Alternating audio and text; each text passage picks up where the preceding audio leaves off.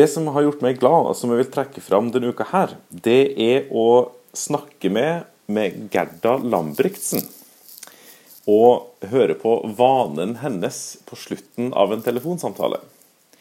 Gerda Lambrigtsen hun er ei eh, godt voksen, om man kan si det sånn, eh, misjonsdame som bor i Bø i Vesterålen.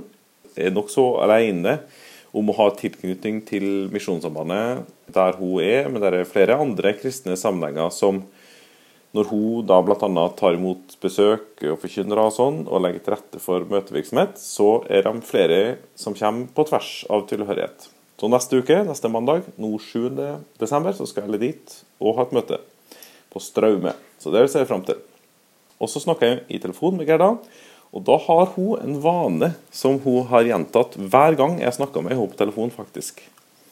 Og det er så enkelt som at hun på slutten av samtalen leser et bibelord. Dagens bibelord, eller eh, noe sånt. Helt enkelt, rett og slett.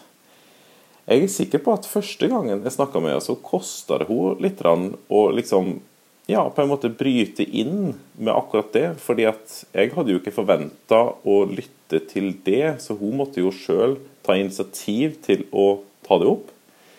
Men for meg så har det blitt et eksempel på at hun praktiserer det som Jesus sier i Matteus 4,4, at mennesket ikke lever av brød alene, men det er hvert ord som går ut av Guds munn.